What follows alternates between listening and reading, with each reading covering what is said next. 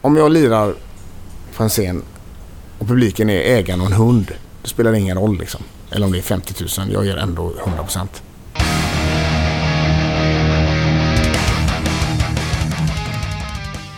Då så, då tycker jag att det är hög tid att ta in lite Göteborg igen i Rockpodden. I det här avsnittet som har nummer 55 så har jag den stora äran att sitta ner med Tony Jelenkovic.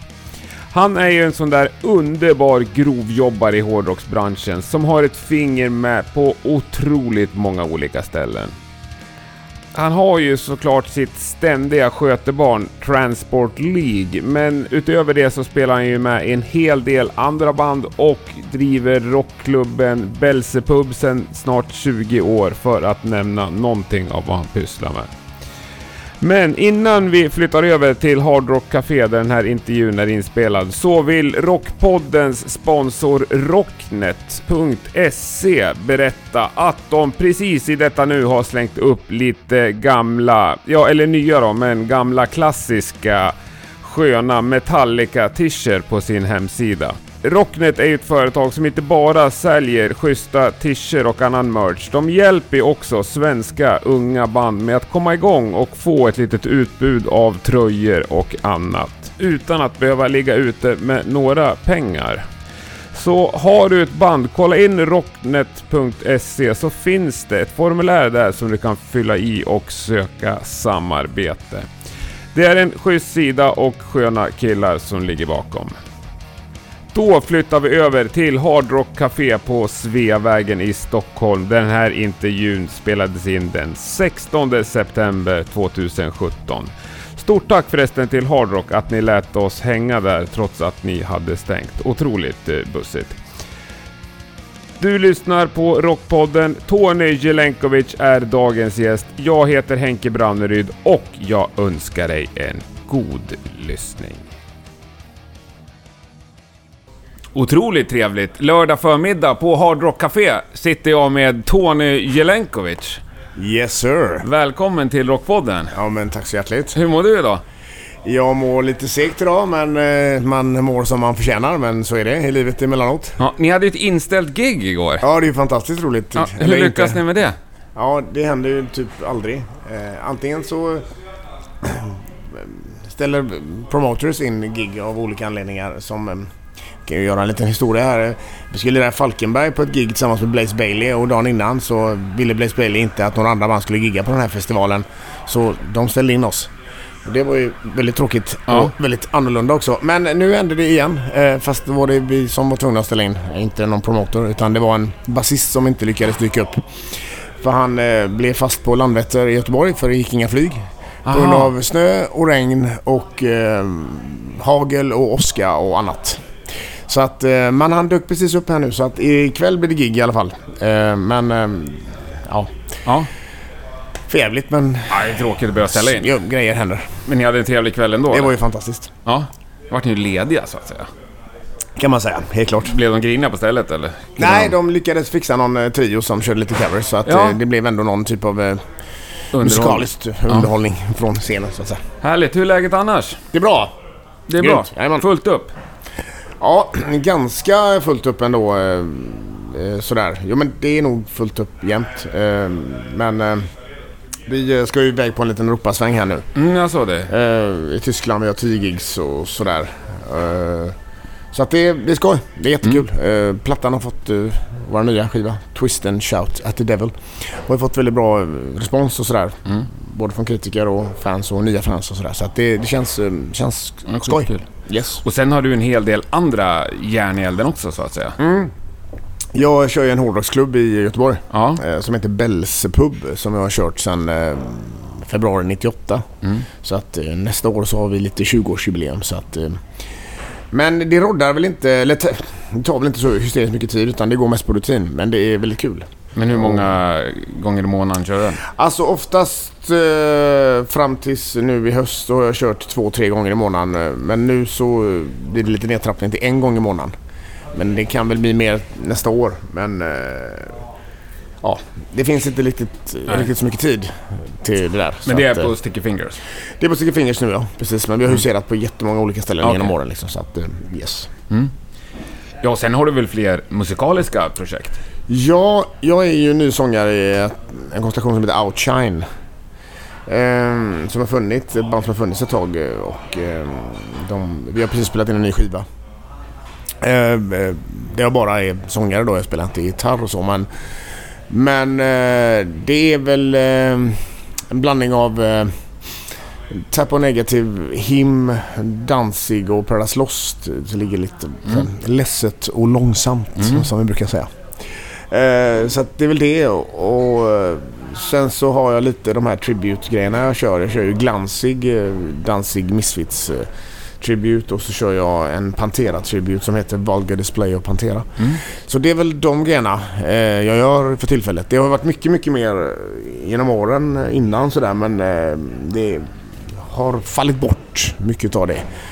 Eh, av olika anledningar. Främst för att jag har blivit eh, eh, nybliven pappa igen. Så här. Jag har fått en dotter. Hon är två nu, drygt. Så att eh, det är lite andra fokus i livet kan man säga. Men det är ändå ganska många projekt. Ja, alltså ett tag så var jag med i sex band eh, sådär. Och, eh, jag har ju släppt totalt eh, 27 eller 28 plattor genom åren. Och, så att eh, lite avtryck i historien har man ju lyckats göra av någon Mm. underlig anledning. Men så är det. Underlig anledning. Det är väl precis. hårt slit och talang. Och, Jo, men ja. Men Mm. du vet, svensk som man är så Ja. ska man ju inte höja sig. Nej. Nej, men det är ju, högmodigt- då tar jag den rollen Ja, idag. exakt. Ja. Men, men har du alltid varit en sån man som har haft liksom massor av olika projekt på gång? Eh, nej, det, det har jag faktiskt inte. Eh, Har du någon gång varit en sån som har bara fokuserat på en grej?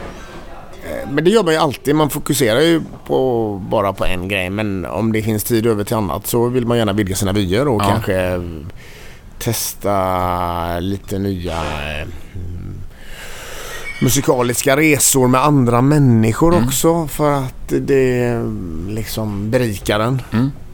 Så att... Eh, men sen 94 eh, någon gång, 93, 94 så har jag ändå haft liksom flera grejer på gång. Mm.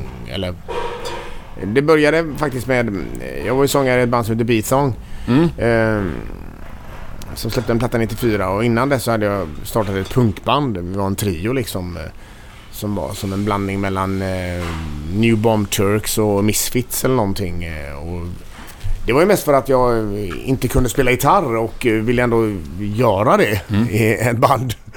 Och hade väl lite riff över som kanske inte platsade i metal utan som var mer punkbetonat. Och det ena ledde till det andra och sen så bildade man Transport där för att man ville ha lite mer rock'n'roll i eh, mer rock'n'roll-framtoning i sitt, i sitt skapande som kanske inte fanns i den här statiska metallen som eh, Beatsong var liksom. Så att, eh, ja, nej men ja, ganska länge. Jag, jag började alltså musicera ganska sent. Jag var 2020.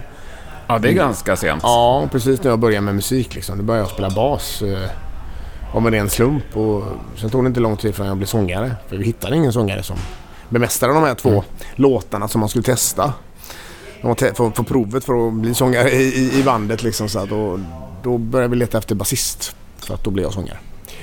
Så att, ehm, ja. Men Nej, sen, det- ja, du har ju kört ganska många band där du bara är sångare också. Ja, precis. Ehm, det har jag ju helt klart. Uh, ja, Beatsong då och så... ehm, Transport uh, League blev ju någonting annat eh, efter ett antal år. och eh, antog eh, väl en form som inte riktigt var eh, den formen som det var från början utan det blev någon annan typ av metal. Och, då, då ehm, och det var liksom olika faktorer som gjorde så att det blev så. Det var liksom eh, nyfikenhet. Det var även ett otalt många f- medlemsbyten och det blev ju Man då, eller Mm. MAN liksom. Eh, Och den första plattan där, Obey Consume Reject, var ju egentligen när vi, när vi gick in i studion och började spela in den så var ju det en Transport League-platta. Men eh, jag märkte väl det att eh, det här är liksom inte Transport League, det här är någonting annat. eh, Och när den plattan släpptes så blev det, blev det under namnet ja, Så ni gick in i studion som Transport League? Ja, Och kom ut som MAN liksom. Ja. Ja, faktiskt. Det är ganska och, coolt. Ja, jo, det fick bli så för att det kändes inte värdigt att släppa den plattan som Transport Liv för att det var så pass annorlunda. Plus att jag släppte gitarren då också. Ja. Jag spelade gitarr på hela skivan men, men, men när den släpptes så var jag bara sångare och frontade Ja. liksom på det sättet. Och eh, sen åkte vi faktiskt, eh, vi åkte nästan kort därefter, för vi hade släppt den plattan så åkte vi på eh, förbandsturné till Fear Factory. Mm. Vi gjorde åtta gigs i, i Skandinavien här. Så det var en ganska bra skjuts där i, i- början sådär. Men ehm, ja, Men det blev ju någon till platta med MAN. ja det blev, det blev två plattor till. Det blev en platta som heter Peace Enemy och sen blev det en platta som heter...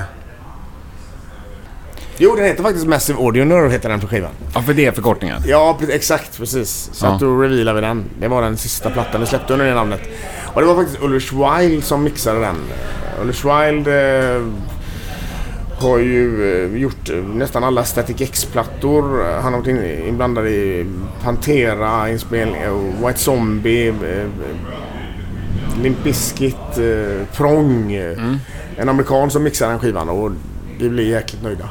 Men eh, därefter så blev det också ett otalt medlemsbyten och mm, sen släppte vi en sista skivan där vi bara hette Massive Audio Nerve, en platta som heter Cancer Vulgaris. Och då hade vi ju implementerat de här kvarttonsgrejerna också. Det hade vi i och för sig redan gjort på den sista. Men, ja, det blir krångligt här nu. Ja, men nej, det är eh, skitsamma. Men vi implementerade den Det är flummigt. Ja, exakt. Kvarttonstekniken eh, la vi in där eh, emellan och eh, bemästrade det ganska bra. Vi är väl det enda bandet i världen som har gjort det på det sättet. Ja. Eh, Det finns liksom lite utflykter som vissa mm, instrumentalister har gjort med solon och sånt där på kvarton men, men eh, Alltså bas och gitarr eh, unisont eh, har liksom inget metalband gjort Nej. innan. Så det, det är lite det- kul och, och Ja, det är kul. och experimentera och utforska de här markerna som Mm. är liksom ett... eh, eh, Det är liksom ett stödhjul till, Mm. Till det vanliga hjulet. Ja, nej, du, Ja. du låter ju annorlunda. Ja, faktiskt. Det låter som några svajar på allt hela tiden. Ja, exakt. Det, det var min första Ja, tanke. det är faktiskt så. Lite sjösjukt på något Ja. sätt. Ja. Mm. Fan, jag pratar mycket. Förlåt. Ja, men det, är, det, är lite, det är lite det som är vitsen. Det var skönt. Men du, Ja. 20 år innan du började lira musik. Ja. Vad gjorde du innan då? Jag lyssnade på musik. Du var liksom hårdrockare så att säga. Ja, jag var ju allt möjligt. Alltså jag började ju som hårdrockare men sen tyckte jag att hårdrocken blev så jävla svulstig. Eh, på 80-talet och jag eh, kände inte igen mig riktigt i den, eh, det tuperade håret och den där reverben på den där virveln. Så liksom, Nej. sådär. Men jag tyckte inte det var speciellt tufft och, och då började jag lyssna på eh, EBM. Eh, Nitzareb och Front 242 eh, som ändå hade en eh, ganska hård eh, edge till sin Råsyn, framton. Ja, liksom. faktiskt. Som var tuffare än den här smetiga reverben på virveln och eh, ja, det tuperade håret som jag inte riktigt, som sagt. Men eh, sen hittade jag faktiskt tillbaka till hårdrocken eh, midsommar 1990. Då, det var någon som satte på um, eh, The Cult-plattan Electric. Som är ju otroligt mycket ACDC någonstans fast i en liten annan 90-talsförpackning Ja. sådär. Som jag bara smällde av på fullständigt och sen i hand i hand där så kom så såg man eh, Mother med Danzig och var bara så, men det är så här det ska vara. Det, för det här är ju rock. Jävlar och det är så avskalat och äkta och rent och in your face utan några jävla krusiduller liksom. Och då hittade jag tillbaka till hårdrocken och så att... eh, Och det var då också du började lira ja, själv? faktiskt. Exakt så. Men det är ändå ganska modigt när man är 20. Ja, Alltså bara nu, jag ska börja med musik. ja precis. Jag var nog För ganska... det finns, finns ju ganska många som har kommit ganska långt när de är 20 så att Ja, säga. faktiskt. Jag eh, hade nog inte självförtroende när det gällde det. Jag, hade, jag, jag, jag visste liksom inte min kapacitet. Eller jag visste inte... Nej. Jag, jag trodde liksom inte på mig själv. Utan det, det var andra som eh, sa till mig att fan det här är ju skitbra liksom. Mm. Och, och Men. Började du skriva låtar eller hur, hur, hur, hur tog du an det från början? Jag började skriva texter och lite melodier och sådär men jag gjorde inte så mycket Hemma musik. på kammaren? Ja. När berättade du det här för någon första gången? Ja, det vet inte fan alltså. alltså det Hade du liksom polare som var musiker och sådär eller?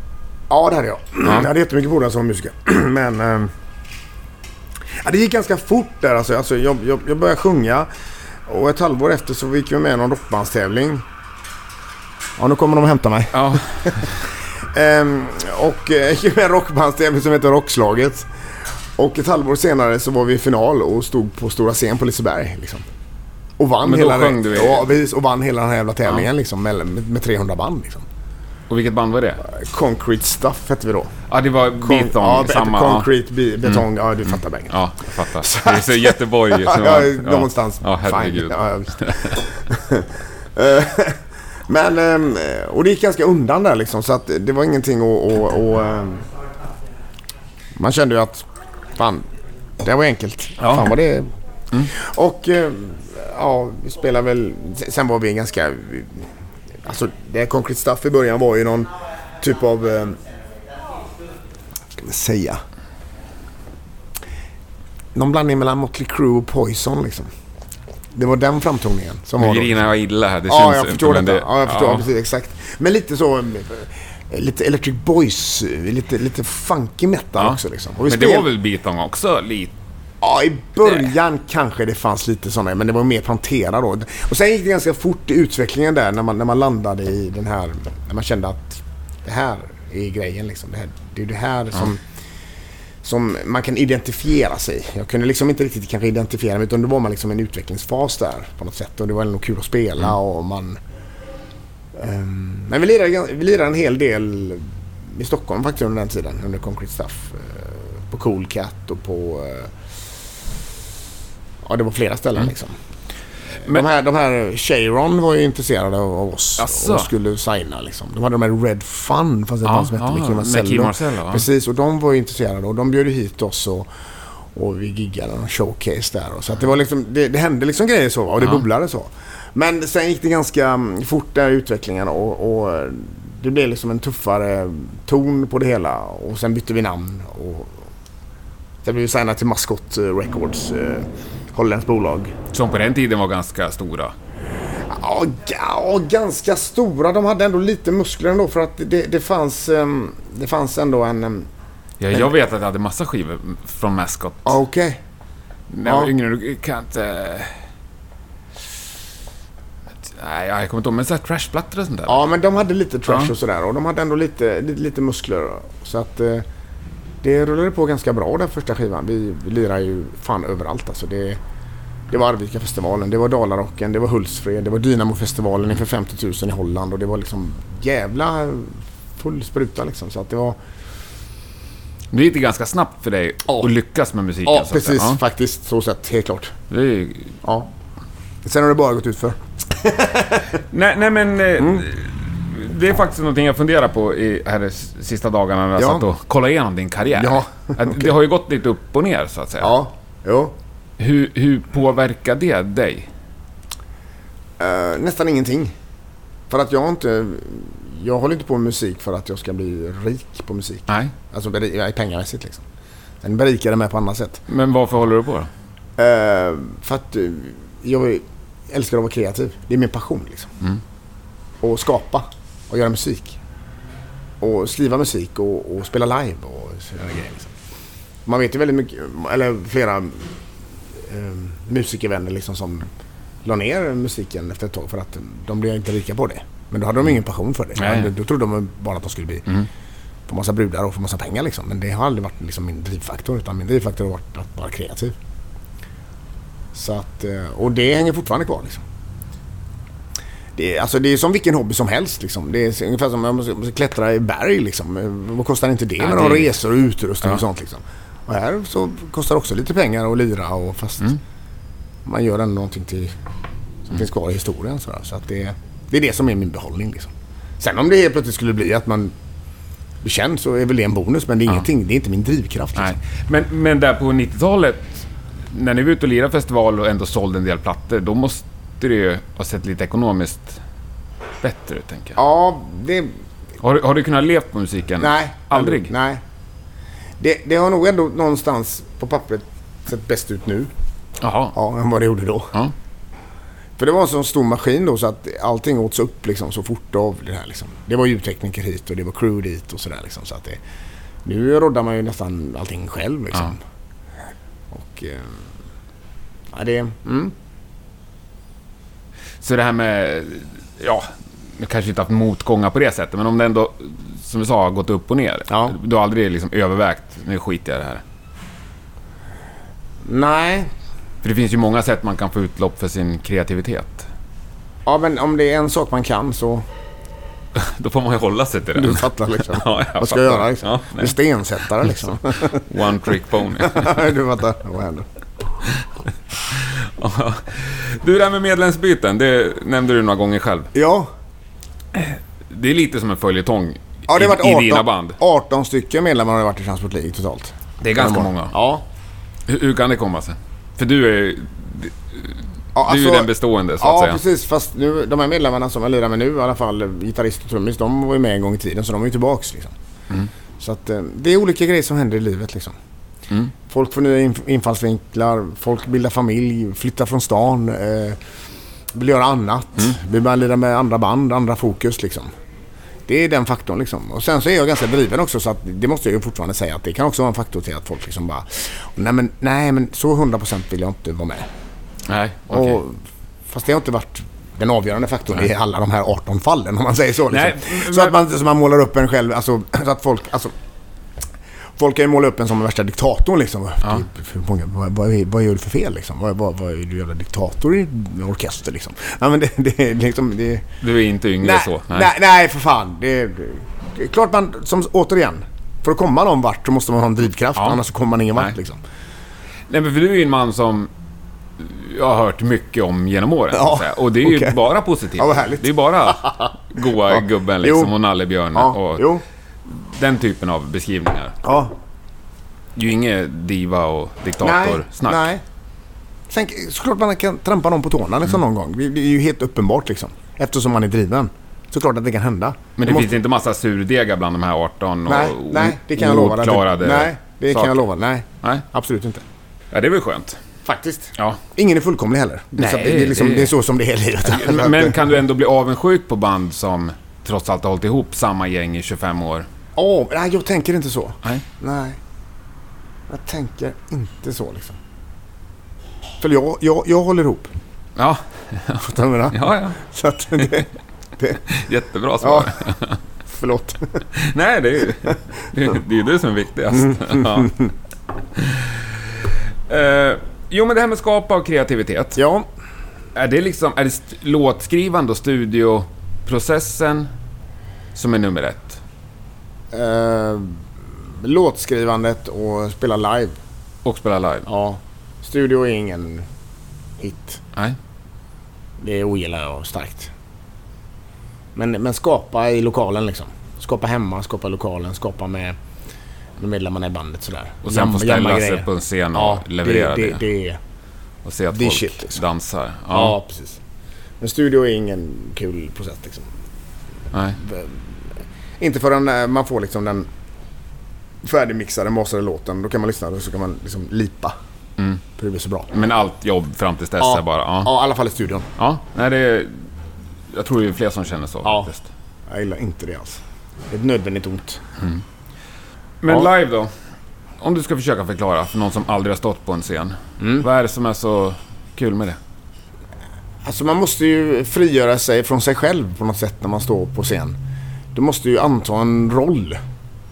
Eh, och eh, bemästra den rollen utan att det utåt, sen, utåt sett eh, ser för osäkert ut. Du måste väl liksom göra dig säker i din roll och stå på scen. Mm. Jag eh,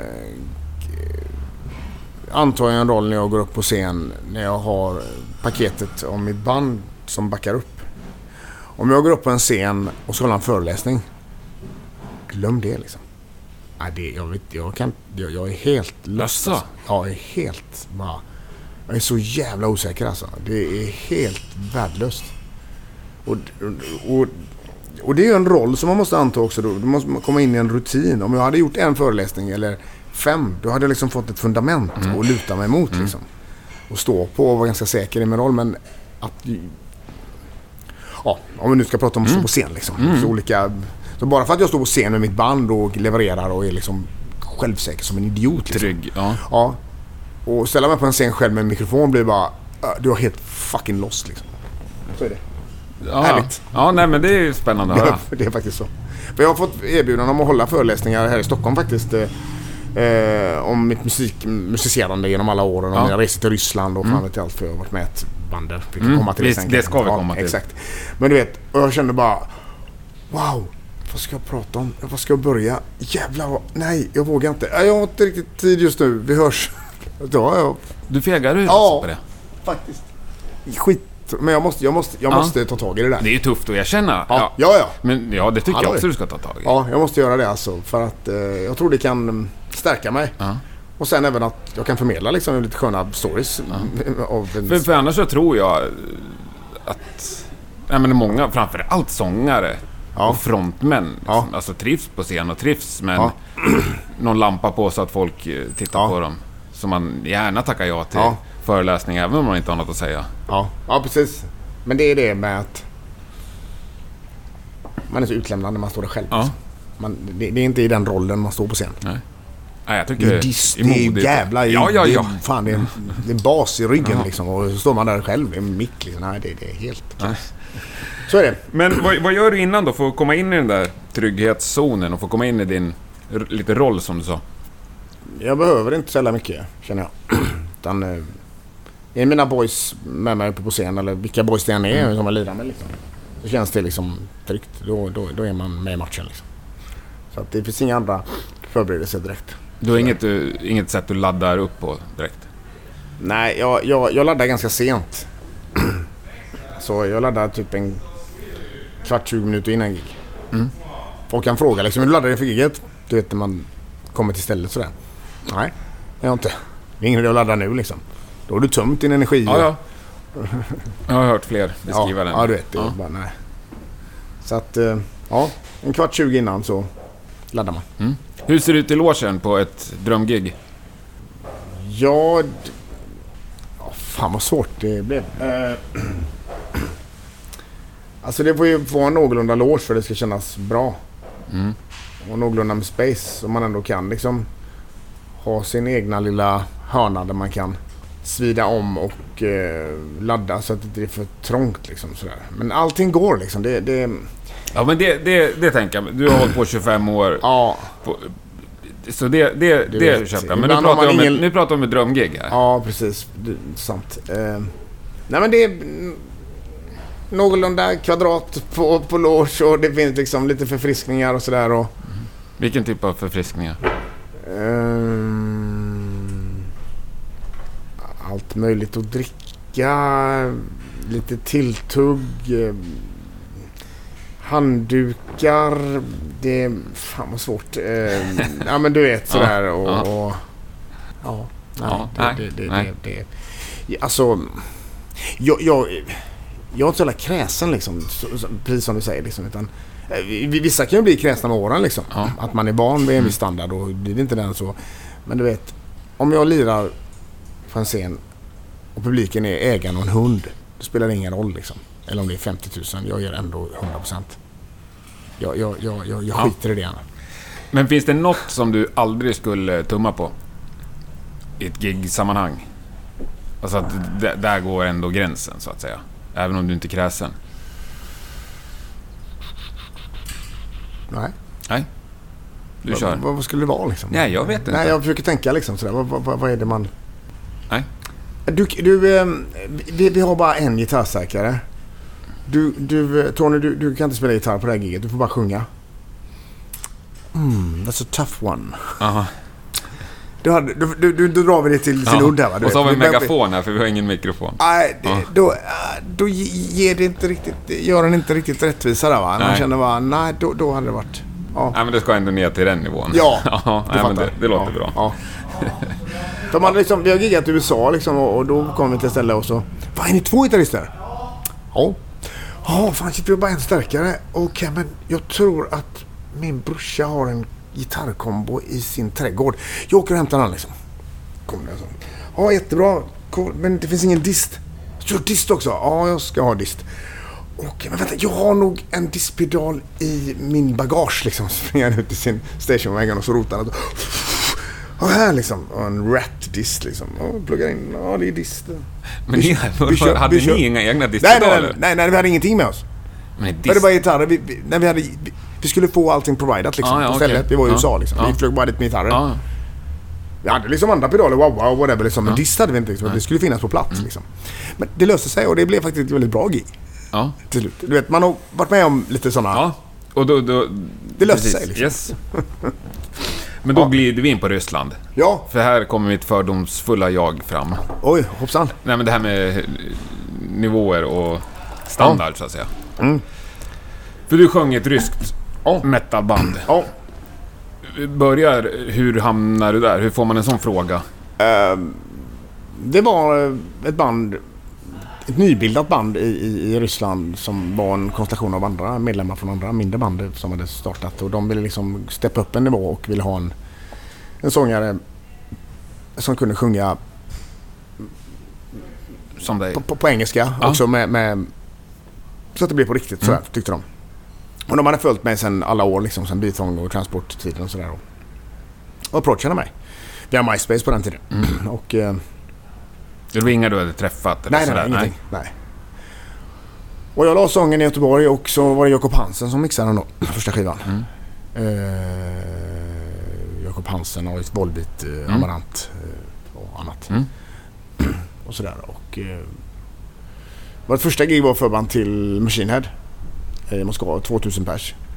Och eh, sen har vi även fått förband till Lamb of God i Sankt Petersburg och även till Anthrax i, eh, i Moskva. Och även gjort egna gigs, typ 20-25 spelningar totalt liksom, runt om i Ryssland.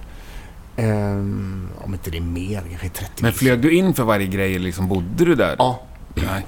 jag flög in för varje grej. Eh, om inte det var, ja precis. Att, i, eh, I min värld så låter det ju superexotiskt att vara förband till Anthrax i Moskva. ja, ja, Ja. Ja, ja. Det var skitfräckt. Och de trodde ju såklart, många av de här fansen som kom dit, vi var ju ändå ett litet band liksom. Mm. Trodde ju såklart att vi var ett amerikanskt band. För jag pratar ju Mm. Engelska mellan låtarna och eh, ingen ryska. Så att folk var ju väldigt på. Ehm, Så att, eh, men vi gjorde även två vändor i Sibirien. Vi gjorde ett, eh, vi gjorde två vändor 2009 och 2011. Eh, och det var väldigt intressant. Eh, mest för att det var så långt bort. Eh, att jag liksom kollade på kartan sådär så var det liksom Göteborg till Moskva, det är 250 mil eh, fågelvägen. Och sen från Moskva till Irkutsk, det är 560, ursäkta, 560 mil. Jag är alltså ovanför Mongoliet. Och Ja. Helvete vad jag är långt borta nu liksom. Så att det var eh, jävligt eh, surrealistiskt och eh, coolt. Ja, men hur ser en rockklubb ut i Sibirien? Så här, Som, så här. som i Stockholm eller Göteborg Ja, eller Malmö? totalt. Det är så? Och all utrustning och allting också. Ja. Till och med i flera fall bättre. Men På riktigt. ni måste ändå ha haft ryska fans alltså? Ja. Även om folk trodde att ni var amerikaner så... Jo, jo, alltså, någon gång måste ju folk ha insett att ni var ryssar. eller de var ryssar. Ja, precis. När vi gjorde de här gigsen i Sibirien så, så såklart Mm. var vi liksom ryskt band. Liksom. Var, det, var ni stora så att säga, inhemskt? Ja, det var väl en, mellan 100 och 300 pers på varje gig liksom. Och Mm. eh, det var något place där som vi giggade på. Det var liksom det där, så här, 60 pers i kö för att få autograf liksom. Ehm, och spelställena var jävligt uppstyrda. Eh, majoriteten av dem. Det var liksom inga, inga sådana bottennapp som man kunde hitta i USA. USA är, det är u-land om man jämför Mm. liksom Ryssland, det kan jag lova dig. Helt, för att det, det vet ingen. Och det Nej. fattar ingen liksom heller. Ja, nej, det var, mm, det var ett ställe i, i Novosibirsk som heter Rock City som vi lirade på. Eh, och eh, supercoolt place. Eh, och när man gick in på stället så fick, så fick man ett plastkort som man betalade med allting i baren. Mm. Och sen när man gick ut så fick man liksom pressa så. Då hanterade inga kontanter. Och redan där känns det liksom sådär, fan vad future liksom sådär. Eh, och nedervåningen på den här rockklubben så var det en irländsk pub. Som hade köpt ifrån Dublin och flyttat hela puben, allt interiör och allting till det här placet. Coolt. Så man kom in så var det bara What the fuck liksom. I Novosibirsk? Ja precis, helt brutalt. Och så är det överlag i Ryssland alltså. När de går in för det så är det bara stenhårt liksom. Går man in. in på en japansk eh, restaurang så är det bara... Då kommer de i kimono och eh, på träskor och det är bara... Eller går man in på liksom en... spansk restaurang. Då kommer det någon med någon liten jävla ackegura där och spelar liksom. Och det är helt brutalt liksom. Det är så jävla fräckt alltså. Ja, coolt. Så att så är det. Ja, jag måste Ja, faktiskt. se mig om i Ryssland ja, känner jag. Ja. Faktiskt. Men vilka år var det här? Ehm, 2007 till 2013. Icon and Me heter bandet. Icon and Me, yes. Finns de kvar? Jag tror inte det. Jag lämnade där 2013 lämnade jag och eh, jag tror inte de finns kvar. Varför, varför lämnade du? Ehm, Det blev lite mycket för mig att göra och jag kände liksom att det, det, det, det, kom liksom ingen, ingen längre vart än vad det skulle liksom. Och, och det tog, tarvade lite för mycket tid och liksom jag hade gjort den här grejen under, under de här två plattorna och, och ehm, det var lite medlemmar som hade hoppat av och det blev lite grus i maskineriet där och det kändes liksom som att jag bara nej. Men... Ja, nej. Okej. Men bara för att jämföra återigen då olika eh, världsdelar. Ja. Om man spelar för 300 pers på en rockklubb i, i Ryssland, gav det Ja. något pröjs? Eh, jag fick ju alltid betalt. Sen vad det blev för betalt, det vet jag inte. Nej, Men jag hade ju en deal att, Ja. att jag skulle ha en peng för varje gig liksom. Och, Så eh, sen vet inte du om bandet fick dubbelt Nej. så mycket Nej, eller ingenting? nej, ja, precis. Jag, hade, jag brydde mig inte om det liksom. Nej. Sådär. Men vad... Min största... Alltså, lika mycket som att det var... Eh, eller, alltså det, det var ju inga pengar att prata om eh, egentligen sådär för de här gigsen som jag fick.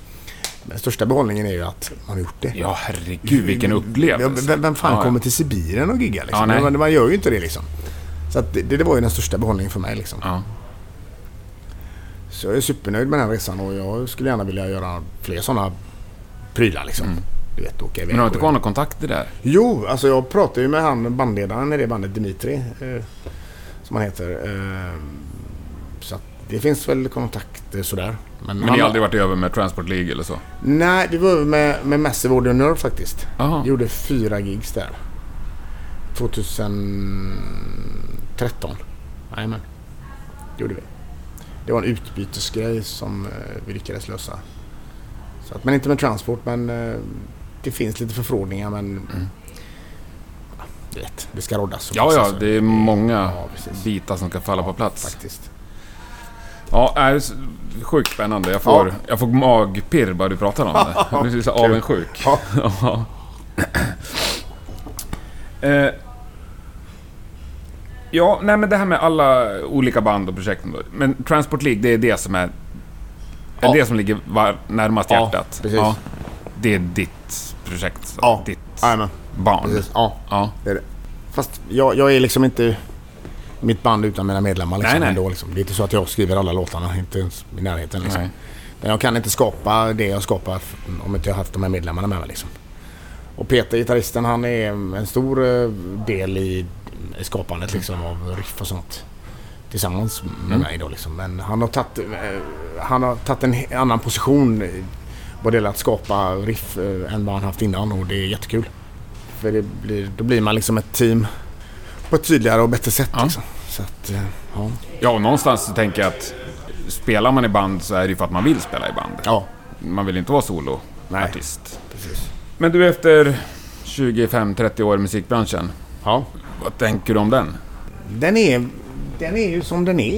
Eh, Den är ju, den är ju, den är ju frisk eh, eh, på det sättet att eh, den är ganska eh, eh, kreativ. Alltså branschen. Det, det, det, man är ju inte fast i ett visst mönster. Det finns ju inte bara en genre och den gäller hela tiden utan det expanderar ju hela tiden och det kommer liksom supergenrer. Så det, och det, det bubblar liksom med olika stilar hit och dit och trender kommer, trender går. Eh, och nu ser man ju ändå en tendens att eh, jag tycker väl att eh, det har blivit lite väl plastigt. Eh, eh, alltså metal har liksom man kan säga, blivit liksom stöpt i en viss typ av form. Men eh, i och med att folk liksom börjar, börjar gå ifrån den här mallen och börjar liksom spela in själva och i, viss, i, viss, i viss mån så har det liksom lite grann gått tillbaka till, en, till ett analogt tänk. Och det känner jag är väldigt friskt överlag. Liksom. Så att jag känner att eh, branschen är mm, precis som den ska vara. Jag ser inga nackdelar. Snarare fördelar med tanke på att man kan sprida sin musik på ett helt annat sätt än man kunde göra för 30 år sedan. Och eh, eh, ja, nej, jag, jag, Nej. Skönt att höra. ja faktiskt. Alltså, det, jag, jag vill ändå se på det positivt istället för att måla upp eh, måla upp det så jävla svart. Ja, nej, underbart. är- Ja, men vad fan. Jag känner liksom... Och sen är det väl... eh, Ja, nej. Jag, jag återkommer till... Ja, jag men, men Ja. tycker du att alla band får den, den uppmärksamhet de förtjänar? Eller tycker du att man ändå kan vara underskattad? Ja, men det har ju vi alltid varit i Transport League. Underskattade. Så Ni är att, eh, underskattade. Ja, vi är, men inga andra är underskattade. Inga det är bara andra? vi. Nej, men vi... Alltså, nej. Eh, vi- Skämt Jag, åsido. har ju fakt- jag brukar ställa den här frågan ibland och Transport League har ju varit svaret en gång. Ja, jag förstår På att detta. det var ett, ett Sveriges mest underskattade band. Ja. Nej, men det är också... Så du, vid- du, du håller bara med helt enkelt? Ja, jo men det, jag kan nog hålla med om det. Samtidigt som det är ens drivkraft på något sätt. Att eh, jag tar ingenting för givet. Nej. Vi tar ingenting för givet. Utan det känns som om, att, nu låter det helt klyschigt liksom sådär. Eh, Men du vet underdog eh, Mm. grejen är liksom, ja. Det är drivkraften. det, på något jävla vänster så är det så. Vi, vi, vi liksom får kämpa för allt och mm, så är det bara. Och hade man inte haft en passion för det så hade man ju lagt ner för länge sedan. Mm. Men det är liksom varje liten jävla grej som man får som är positivt liksom. Eh, Ryggdunk, folk står på Anchor med transporttröjor och undrar varför inte vi ska gigga igår liksom och sådär och eh, har åkt ifrån Uppsala och Mm. tagit in på hotellrum och man känner bara du, du, du är helt magisk liksom. Oj, vad säger du liksom? Ska, vill du, ska pröjsa halva hotellet? Förlåt. Ja. men det, så Ja. Jag känner bara, du vet. Eh, ja, du fattar. Ja, underbart. Ja. Men om man ändå ska tvinga dig att vara lite... Skicka den vidare. Har du något svenskt band du kan... Under, under tvång? Något svenskt band. Tänker ändå du bokar mycket band, du kommer i kontakt med ruggigt mycket unga... Du behöver inte säga underskattat. Ta något som du tycker är jävligt Ja, bra. det finns faktiskt ett band från Göteborg som är jävligt eh, underskattat som inte har fått den... eh, De lirar någon typ av teknisk metal som är jävligt cool och jag, jag har sett dem live flera gånger och det är sådär man, man, tittar på, man, man tittar och lyssnar på dem så är det bara sådär. Jag ska aldrig mer lira hård metal. Jag ska hålla mig till den här boogie-grejen, rock'n'roll-prylen. För, för att det, den här leveransen som jag ser nu, den kommer jag aldrig fixa någonsin. Utan det här är fan det bästa. De heter Devation. Division. Devation ja.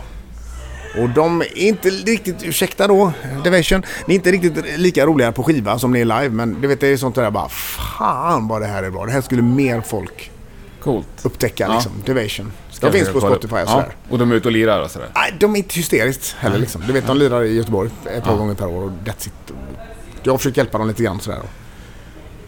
Det är väl det enda Ja. jag kommer på just nu liksom. Det låter väl... För att, de, för att de flesta banden som man känner till som är sådär, fan vad det här är bra, de, de får liksom luft under vingarna. Det, det är liksom... Så- Vilken härlig positiv syn du har. Ja men jag är en, faktiskt en positiv människa. Ja. Jag, måste, jag, jag, jag orkar inte med det här. Det genomsyrar vårt samhälle så jävla mycket hela jävla tiden och jag är så förbannat trött på det. Ja. Så är det. Skönt. Ja. Sen får man inte vara blåögd och naiv. skiner och det är... Blåögd och naiv behöver man inte vara. Sen är jag brunögd men... eh, Jag förstår. Ja, jag förstår. Ja, tack. Vad är du mest stolt över av allt du åstadkommit? Oj. Alltså det är en hel del grejer sådär. Jag är väldigt stolt över uh, Damage-plattan med, med Beatsong. Den är jag väldigt stolt över. Och uh, MAN-plattan Massive Audio Nerve. Den är jag också stolt över. Satanic Panic med Transport och Super Evil. Alltså det finns... Det är mycket grejer som man är stolt över. Och, Mm. eh, som sagt, jag har blivit... eh, Som sagt, det, det har fan blivit eh, 27 plattor genom åren så att Mm. det, det finns liksom lite att ta av sådär men... eh, Ja, det är massa prylar. Jag kan liksom inte... Nej. Nej. Men om vi vänder på det, har du något du ångrar? Ångrar. Detta svåra ord. Ja. Ja du, ångrar. Alltså nej, det är ingenting jag ångrar. Det är ingen gång du kan se tillbaks på något och så bara shit, där stod jag verkligen i ett vägval och så valde jag det här. Alltså val som du gör i livet, det har du gjort liksom. Ja. Det är ingen idé att backa bandet liksom. Nej. Utan det är bara att blicka framåt. Och det valet man gjorde då, det gjorde man då. Och man gjorde det av en anledning. Mm. Och man kan liksom inte Så mitt svar är nej. Nej, bra. Helt rätt. Jo men när mår, du som är positiv då. Även om grunden är bra så att säga. Du, du mår bra som grund. Men när Ja. mår du som allra bäst? När jag... När, när, när jag är i replokalen och jammar med mina boys. Eller när jag ligger i sängen och våran två och ett halvt åriga dotter kommer och gosar in sig och vill, vill dra ut på morgonen lite. Så det är härligt. Så det är mina bästa stunder i livet. Underbart. Ja, faktiskt. Men så replokalen är bättre än scenen? Rent Ja. njutningsmässigt? Ja, det är det. Ja. Det, det är jätte... Alltså, Jag fattar. Hårfint, du förstår Ja, jag förstår att det är hårfint. Men något måste man svara. Nej men du vet, komma på ett nytt riff och så, och så kör Mattias på något gott komp där och så man känner bara jävlar. Ja. Det lyfter. Fan vad gott. Då är det bara yes. Så, Men, vilken människa har betytt mest för dig? Adolf Hitler. Jag ska bara. Men å andra sidan så har ju han faktiskt också betytt väldigt mycket för alla människor. Att, eh, att beskåda hur det kan gå om man inte är på sin vakt. Men eh, ja, förlåt. Eh, vem som har betytt mest? Oj, oj, oj. Uh, fan alltså, jättesvårt. Jag har ju varit en ensamvarg väldigt länge och i min barndom också liksom. Jag har blivit skickad hit och dit så att jag har liksom ingen fast punkt sådär. Och, och vi har liksom ingen mamma och pappa som jag kan relatera till och sådär som att ja men det var en trygghet eller den betyder. Det finns knappt inte några sådana utan jag har fått liksom skapa min verklighet själv nästintill från när jag var fyra år liksom. Och den har blivit vad den har blivit. Så att eh, jag kan liksom inte... Allting i världen eh, betyder mycket för mig. Om det så är goda grejer eller om det så är onda prylar.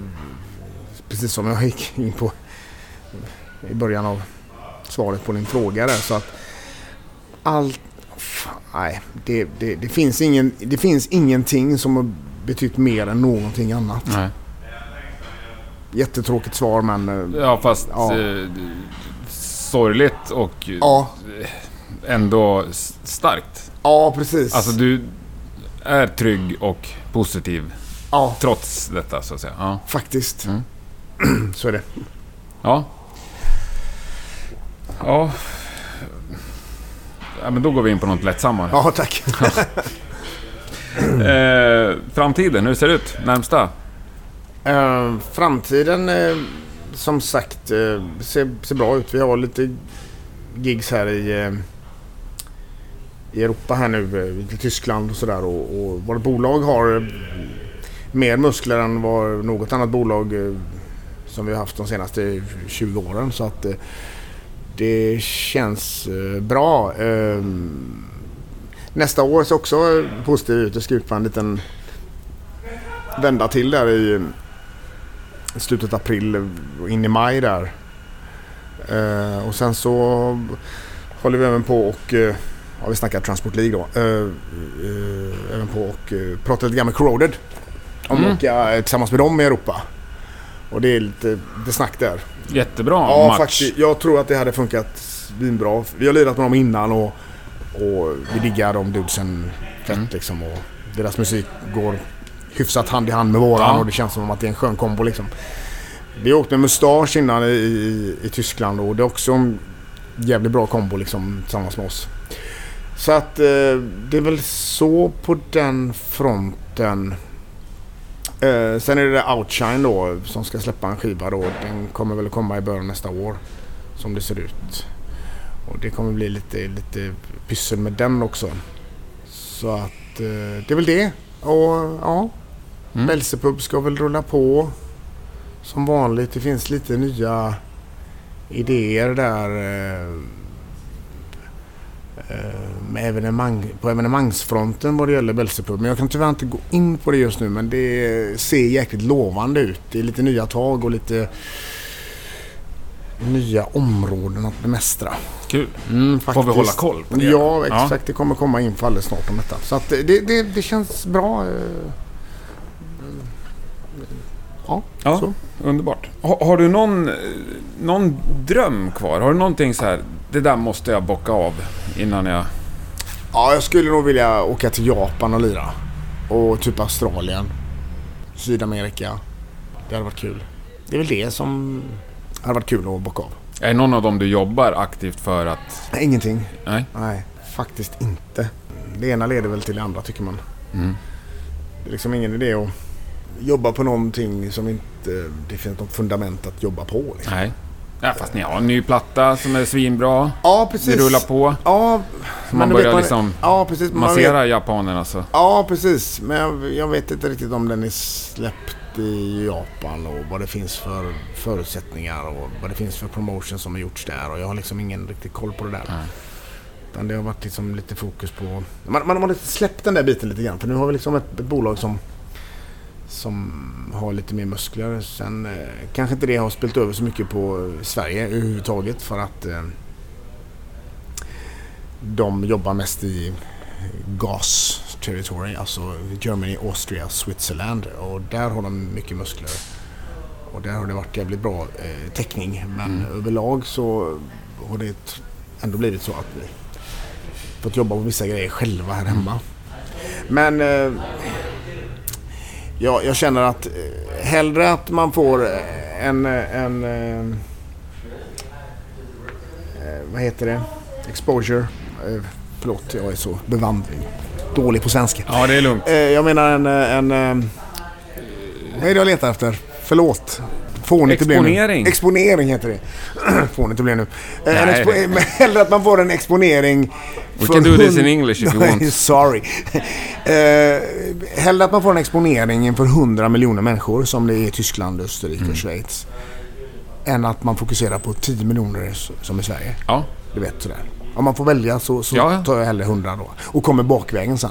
Ehm, så det har varit lite, lite dålig täckning här hemma eh, vad det gäller liksom sådär. Men det har gjort en liten... ehm, har eh, försökt catcha upp lite grann där.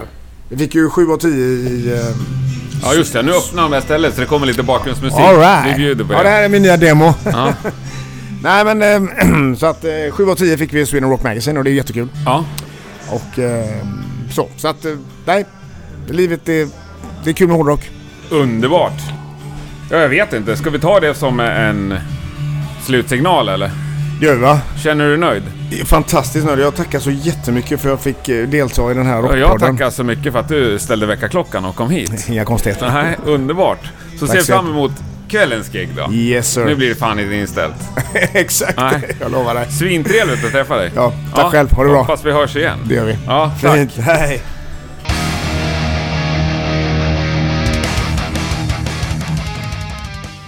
Det där var allt vi hade att bjuda på den här veckan. Stort tack för att du har lyssnat. Nästa torsdag är Rockpodden tillbaka som vanligt med ett nytt avsnitt och en ny spännande gäst. Hoppas verkligen att du lyssnar då igen. Fram tills dess får du gärna söka upp Rockpodden på Facebook, Instagram eller Twitter. Mycket trevligt med alla former av synpunkter tycker jag. Så, då önskar jag dig en bra vecka och så hörs vi snart igen. Tack och hej!